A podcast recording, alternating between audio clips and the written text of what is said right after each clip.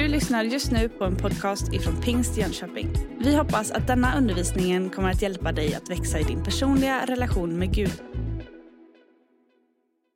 Vi befinner oss mitt i ett predikotema just nu som vi kallar att vi vänder om. Och precis som Katrin nämnde så har vi ju den här bön och fasteperioden framför oss och det här är liksom en förberedelse inför det. Att ta lite extra tid tillsammans med Gud. Att skapa lite mera utrymme för att se, för att höra Gud och kanske få en lite större bild av vem han är och vad har han att säga in i, i vårat församlingsliv i en tid som denna och in i våra liv personligen. Att vända om till det där som är centralt och i fokus. Och en viktig del i det, det är ju bönen och det är det jag ska tala om idag. Och nästa vecka så kommer Katrin att undervisa om fastan. Förra veckan så talade Markus om omvändelse och överlåtelse. Och var du inte här då så har du möjlighet att lyssna på den predikan i efterhand via hemsidan, under poddar eller på Spotify. Och jag vet inte hur många predikningar du har hört om bön. Kanske finns det någon här inne som aldrig har hört någon predikan av bön, men det är ganska troligt att flera av oss har hört många predikningar om bön. Och det där är ju för att bönen är en sån central del av kristen tro och kristet liv. Möjligheten att få samtala med Gud, att få uttrycka hur vi har det till honom. Men att också få uttrycka tacksamheten över den han är. Att få proklamera vem han är och att få be i hans namn, som är namnet över alla andra namn och få se och erfara hur han svarar på bön. Det är ju på grund av Jesus som vi kan få närma oss Gud på det sätt som vi gör. Och det är som Hebreerbrevets författare uttrycker det i kapitel 4, vers 16, att låt oss därför alltså på grund av Jesus, frimodigt gå fram till nådens tron för att få barmhärtighet och finna nåd till hjälp i rätt tid. Till honom får vi komma med frimodighet för att få barmhärtighet och finna nåd till hjälp i rätt tid. Och jag tror faktiskt att idag är rätt tid för många av oss. Och innan vi går vidare kan vi väl bara be en kort bön att Gud ska tala genom sitt ord idag. Jesus, vi tackar dig för bönens möjlighet. Tack för att du har gjort det möjligt för oss att närma oss dig med frimodighet. Inte på grund av oss e- själva och vår förträfflighet, utan på grund av dig Jesus och det du har gjort. Tack för den förmånen och tack för att vi får möta dig. Att vi får möta din barmhärtighet, din nåd och din hjälp i rätt tid. Och tack för att du är här just nu för att möta med oss. Att när vi närmar oss dig, då närmar du dig oss. Och vi ber för fortsättningen av vår gudstjänst. Att du ska fortsätta att tala och verka och påminna oss om det där som du vill säga till var och en av oss idag. I Jesu namn vi ber. Amen. Något som har återkommit i mina tankar och som jag vill skicka med idag också inför den här bön och fasteperioden, det är en fråga utifrån vad vill du ha mer av när det kommer till bönen under den här bön och fasteperioden? Vad vill du göra mer av? För jag tror faktiskt att det där kan vara olika för oss. Är det så att du vill ta mer tid själv i bön? Eller kanske vill du be mer tillsammans med andra. Kanske vill du be mer frimodiga böner eller mer ärliga böner.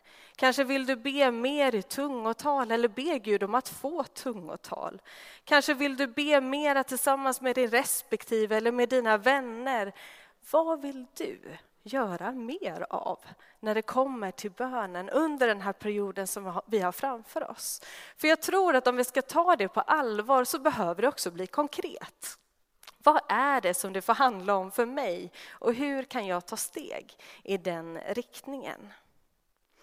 Någon har formulerat att bön det är att göra sällskap med Gud att umgås med Gud. En plats där Gud och människa möts och där jag kan få lära känna Gud. Det är en förmån och inte en plikt. Det är någonting som präglas mer av relation och vänskap än måsten. Men samtidigt så kan det finnas ett motstånd när det kommer till bönen. Jag vet inte om du känner igen det eller om jag är ensam med det. Att vara uthållig i bön, att ta tid i bön och även att vara stilla i bönen.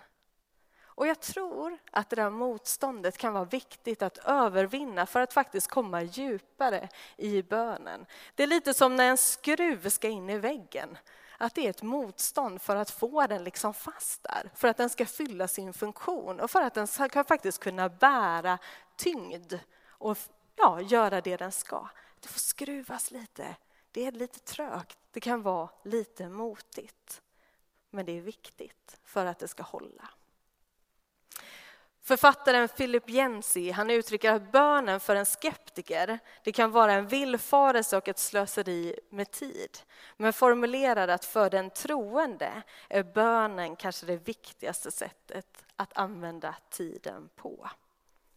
Och jag brukar återkomma till det där ganska ofta. Jag är en person som tycker väldigt mycket om att vara effektiv. Jag tycker om att få saker gjorda. Jag finner det väldigt lite för tillfredsställande nästan att bocka av på min lista och se att jag blir färdig, att slutföra, att komma framåt. Och det där blir ju utmanande när det kommer till bönen. För det är inte lika tydligt att nu är det effektiv tid, nu är det här färdigt, jag ser resultat utan det är någonting annat. Men är det så då att bönen är någonting av det viktigaste som jag kan lägga tid och kraft på och kanske bland det mest effektiva jag kan göra, hur kan jag då skapa utrymme för det? I Bibeln så nämns bön för första gången i första Mosebok kapitel 4 och vers 26 där det står att vid den tiden började man åkalla Herrens namn. Sista gången det nämns det är Uppenbarelseboken 22 och 20. Det är Bibelns näst sista vers och då med uppmaningen Amen, kom Herre Jesus. I Gamla testamentet så hör bönen ofta ihop med offer, men även i många fler sammanhang. Bibeln den är rik på vittnesbörd om bönen, om uppmaningen att bedja och exempel på både bedjaren och bönesvar. Jag läste någonstans att det finns 160 böner nedtecknade i Bibeln. Och de där är ju väldigt olika varandra, väldigt olika formulerade. Och jag tänker att det är väldigt naturligt, för vi är olika som människor. Vi uttrycker oss på olika sätt. Och det där formar också våra böner. Vad vi möter i livet påverkar också till viss del hur våra böner låter. Men det är väldigt tydligt dock att det viktiga är att be och att bönen är betydelsefull. I Nya testamentet så är ju Jesus det främsta exemplet och den främsta bedjaren. Han bad mycket. Han ägnade flera timmar till att be och tycks inte ha de där utmaningarna som jag har när det kommer till bönen. I evangelierna så finns strax över ett dussin nedtecknade böner som Jesus bad flera liknelser och visdomsord kring bönen. Han bad i synagogan och han drog sig undan och bad för sig själv. Han vände sig till Gud i bön när det var svårt, men också i lovprisning. Han bad högt, han bad ärligt och han bad mycket för andra. Och han ifrågasatte aldrig bönens betydelse. Det var inte det han ägnade sig åt. Utan faktum var att han till och med ibland drog sig undan en hop med människor och massa behov för att ägna sig åt bön. Jesus han uttryckte det som att bönen gör allting annat möjligt. Att han räknade med bönen som en kraftkälla och rustning för att kunna vara Faderns medhjälpare på jorden. Utan omsvep så liksom visade han på sitt beroende av Fadern och uttrycker i Johannes 5 och 19 att sonen kan inte göra något av sig själv utan bara det han ser Fadern göra. Jesus han sa också att er far vet vad ni behöver innan ni ber honom om det i Matteus 6, 8. Och Han kan ju inte ha menat att det var onödigt att be. Att Gud ändå vet redan om allting innan ni ber om det, så då behöver ni inte be. Hans liv visar ju på någonting annat. Utan jag tänker att det mera handlar om att Fadern, er far, han har sån omsorg om er. Han vet redan allt det där som ni möter. Han bryr sig. Och bönen behöver inte handla om att försöka övertyga Gud om att bry sig mer eller att informera honom. Han vet, men han vill att vi delar det där tillsammans med honom. Jesus han slog också fast ett nytt mönster när det kom till att be. Gamla testamentet innehåller många storslagna böner och vackra böner som ofta leddes av en kung eller profet och kunde uppfattas som formella uppläsningar av vissa personer. Ingen i Gamla testamentet tilltalar Gud direkt som fader. Men det gör Jesus över 150 gånger. Hans böner berör vardagliga saker som mat och skuld och förlåtelse och frestelser och Guds vilja. Och hans egna böner visar också på en spontan kommunikation med Gud. Hans lärjungar, som i de flesta fall inte heller var några nybörjare när det kom till bön, måste ha blivit fascinerade över Jesus sätt att tala med Gud så att de också uttryckte Herre, lär oss att be i Lukas 11. Och det gjorde han.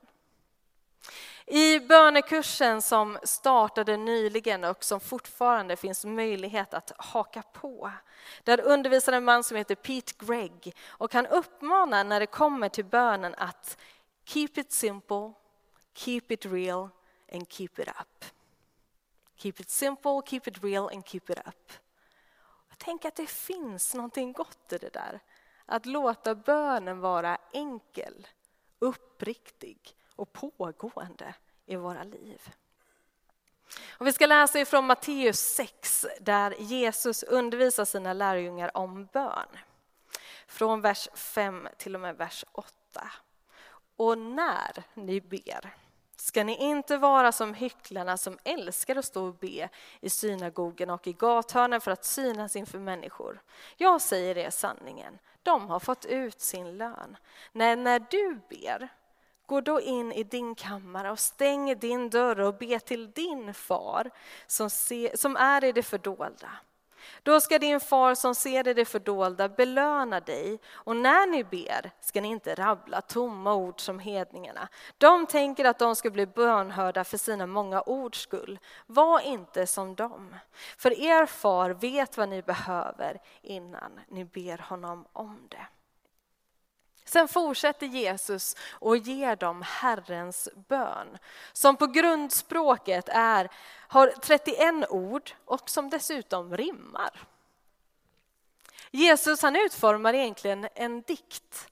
Efter att ha förespråkat en enkel liksom, bön så ger han ett konkret exempel på en kort och på grundspråket rimmande bön. Och vi ska även läsa den.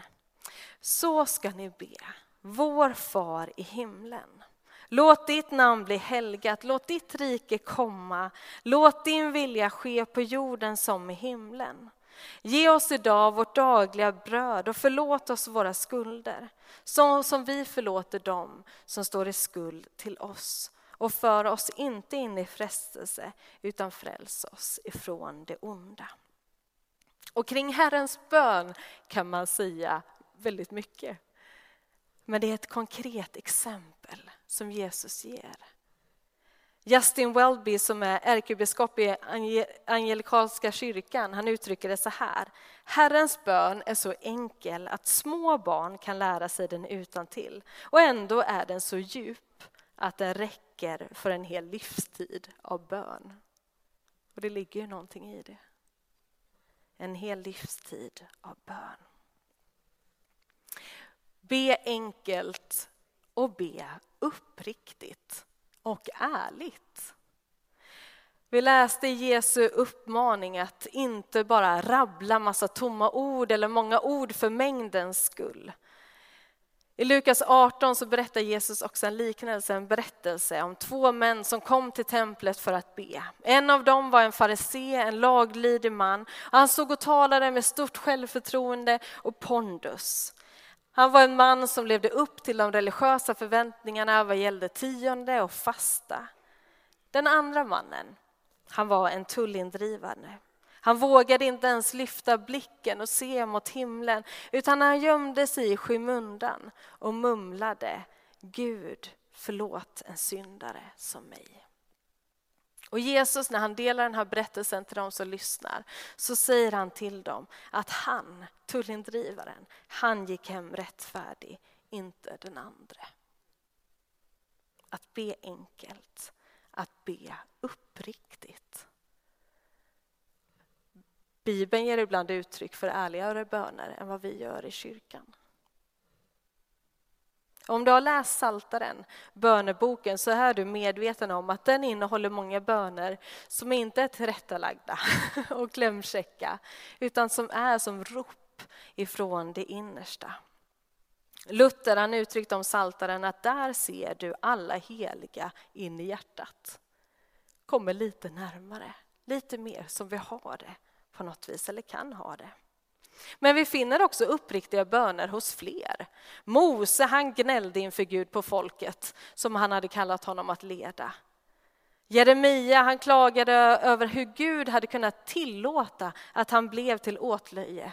Och Jakob han brottades med Gud så han fick en skada som han bar hela livet. Och det där är ganska anmärkningsvärt. Inte egentligen att den typen av böner bads, som är ganska liksom självömkande och på nästan till respektlösa, utan det anmärkningsvärda är ju att de får stå kvar i Bibeln, att ingen har strykit dem ur texten. Men kanske är det just uppmaningen i att faktiskt be enkelt och be uppriktigt. Det sista då är ju att fortsätta att be. I Lukas 18 och 1 så läser vi att Jesus berättade för dem en liknelse för att visa att de alltid ska be utan att tröttna. En liknelse om en något besvärlig kvinna som gång på gång, dag efter dag kom till domaren med sitt behov. Och till slut så gav domaren med sig, mest för att slippa hennes tjat. Det är en ganska intressant liknelse egentligen.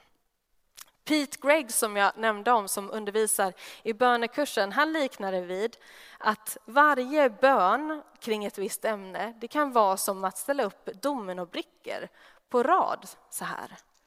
Att vi kan be samma bön år ut och år in och sen är det till slut som att en dag kanske de där brickorna faller omkull. Och genombrottet kommer, bönesvaret sker, miraklet inträffar. Och jag vet inte vad du tycker är liksom svårast när det kommer till bön. Om det är att be enkelt, om det är att be uppriktigt eller om det är att be uthålligt. Att hålla ut i bönen, att inte ge upp när det verkar som att det inte fungerar. Att keep it up att fortsätta att be. Och en hjälp, tänker jag, i att fortsätta att be, det är att också hitta den där platsen och avsätta den där tiden i att umgås med Jesus. Jesus han drog sig undan med sina lärjungar till en avskild plats för att de skulle få möjlighet att vila ut och vara ensamma. I Matteus 6 uppmanar Jesus att stänga in dig i din kammare och be till Gud där. Hur ser det där ut i ditt och mitt liv? Var är den där platsen och hur skapar vi det där utrymmet? I förälskelsens tid så är det väldigt lätt att ta mycket tid med varandra, att prioritera det där. Och med tiden så mognar ju och fördjupas en relation på något vis. Men entusiasm utan disciplin, det kommer med tiden göra att den där relationen falnar. Men kombinerat, entusiasm och disciplin så kan det få en relation att både växa och fördjupas, blomstra, mogna och bestå. Och om jag då bara ber när jag har lust, om jag bara ber när jag känner för det, vad gör det med min gudsrelation på lång sikt? Kanske kommer den överleva, men kommer den att blomstra och fördjupas och mogna? Om det någonsin har funnits någon person som har en ursäkt för att inte be, då skulle ju det vara Jesus. Guds son. Han hade ju kunnat säga att allt jag gör, det sker i bön. Om jag är, dricker och äter och när jag är med människor, det är liksom ett liv i bön. Men ändå så är det ju så tydligt när vi läser evangelierna att han inte såg det riktigt på det sättet utan att han faktiskt prioriterade bönen och prioriterade att dra sig undan. Han hade tre liksom aktiva offentliga år i tjänst och ändå ägnar så mycket tid i bön. Vad säger det mig och dig om vår upptagenhet, om våra prioriteringar? Vad får det där för konsekvenser? Att vi vänder om. Att vända om till det som är prioritet till det som är det där viktigaste, till det som också är böneplatsen i mitt liv. Platsen där vi får barmhärtighet och får finna nåd och hjälp i rätt tid. Det enkla, det uppriktiga och det uthålliga. Corrie ten Boom hon ställde frågan, är bönen ratten i ditt liv eller reservhjulet? Är bönen ratten i ditt liv eller reservhjulet? Jag tänker att det är värt att fundera över och se hur skulle det där få konsekvenser i mitt liv. Jag tror att det finns en risk att vi i bönen ibland tappar bort att det framförallt handlar om relation och kommunikation med Gud. Att göra sig tillgänglig för honom. Det är lätt att vi tappar fokus på mötet med den levande guden och hur stort och fantastiskt det egentligen är. Och hur det alltid först och främst borde leda oss till tillbedjan till tacksägelse. Att söka honom först, hans rike och hans rättfärdighet. Att vara mer angelägen om att söka hans ansikte än att söka hans händer att vara mer angelägen om att söka honom än att kanske ge honom svaret på mina böner, svaret på mina behov och faktiskt räkna med att han som har sån omsorg om mig, han är också angelägen om det som är mina behov. Han vill mig väl. Rädsla och ångest kan stjäla vår tilltro till bönens möjlighet och kraft och riskera att göra att vi ger upp. Avslutningsvis så vill jag bara nämna några punkter som jag tror att bönen kan göra med oss. Det första är att bönen hjälper oss att se verkligheten ur Guds perspektiv. Att jag får påminna mig om min litenhet och Guds storhet, det gör någonting med hur jag både ser på mig själv men också kanske på mina omständigheter. Att bönen får korrigera min närsynthet och låta mig få se en skymt av världen från Guds perspektiv och kanske hur han ser på mig. Hans närvaro på vår jord, hans helighet i förhållande till min synd och min brist. Men också hans förlåtelse, hans auktoritet och makt över allt. För det andra så rustar bönen oss till att vara Guds medarbetare på jorden. Det är en andlig kraftkälla som vi har tillgång till. Under Gamla testamentet så gick judarna framförallt till templet för att tillbe, för det var där Gud bodde. Men när Jesus lagar den där brytningen mellan Gud och människor så gör han det ju möjligt för oss att närma oss Gud vart vi än finns. Och inte genom präster och ritualoffer utan att komma nära honom. Den troende beskrivs istället som Guds tempel. En plats där anden tar sin boning. Gud bor i oss. Och Jesus han visste hur mycket vi behövde den helige Ande. Och tänk vilket tillträde det där skapar till Gud. Till hans närhet och till att räkna med hans styrka och kraft i våra liv. För det tredje så kan bönen förena oss och bygga broar. För några år sedan så hade jag lite utmaningar att samarbeta med en person och vi försökte hitta våra vägar i det där. Och så kom han till mig en dag och så sa han, Beatrice, jag vill att du ska veta att jag ber för dig. Och den man ber för, den kan man inte vara arg på länge. Och det ligger någonting i det. Det är svårt att samtidigt be för någon och vara arg på den personen. Bönen gör någonting med att också skapa enhet mellan relationer, att göra och hjälpa oss i att ha fördrag med varandra, att ha enhet, att komma överens, att bygga broar. Bön gör skillnad både för bedjaren och också för den som förbönen gäller. Det fjärde det är att bönen förändrar oss och omständigheter. Kan förändra min rädsla, min oro, min otålighet, kan ge mig medlidande, tröst och hjälp. Men också ge mig uthållighet. Och bönen kan ju faktiskt göra det omöjliga möjligt. För det femte så ger mig bönen en möjlighet att lära känna Gud. Och det i sig är ju helt fantastiskt. Och när vi lär känna honom så gör ju det där någonting med våra böner också. För några veckor sedan så hade vi besök av James Ladd och han är samfundsledare i sydsudanesiska pingströrelsen. Och han talade utifrån ämnet av att vem säger, du att vem säger du att Jesus är? Och jag gick med det där och har gått och funderat över det sedan dess. Vem säger jag att Jesus är? Hur lyder liksom min bekännelse på honom? Och så tänker jag, hur får det konsekvenser för mina böner. Om jag säger att han är min frälsare, att han är Messias, att han har all makt i himlen och på jorden, att han förmår att göra långt mycket mer än vad jag kan tänka mig och föreställa mig. Hur låter då mina böner? Kanske kan jag våga be lite större böner, lite frimodigare böner, inte på grund av mig, men på grund av den han är. Att be stora böner för att vi har en stor Gud.